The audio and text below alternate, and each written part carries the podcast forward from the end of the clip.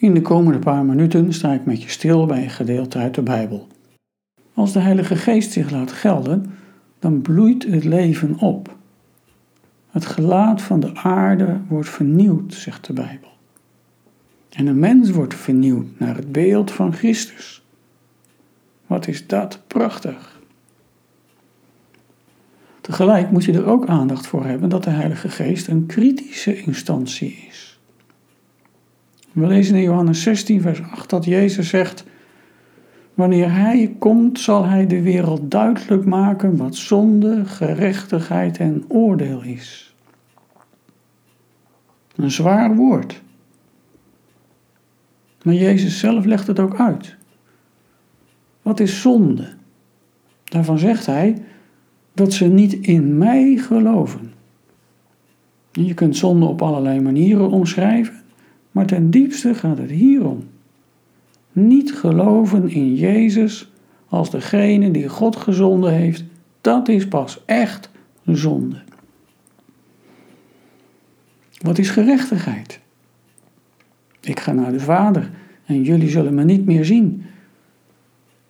Dat Jezus naar de Vader gaat, betekent dat Hij echt de rechtvaardige is. God accepteert wat zijn zoon gedaan heeft door te lijden en te sterven, door zichzelf als offer te geven. Daarmee is Hij de bron van gerechtigheid voor ieder die zijn heil bij Hem zoekt. Wat is oordeel? Er komen allerlei oordelen en rampen over de wereld.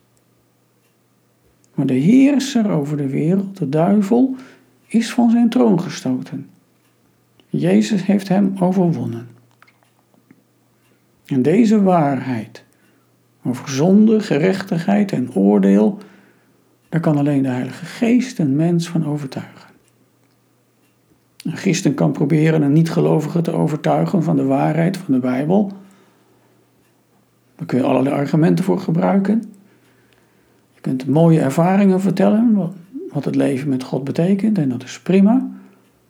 Maar het hart overtuigend aanspreken, zodat mensen zich gewonnen geven, dat kan alleen de geest van Jezus Christus, de geest van God.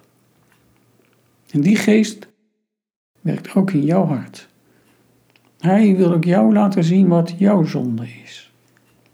En hij wil je brengen bij Jezus Christus de rechtvaardige.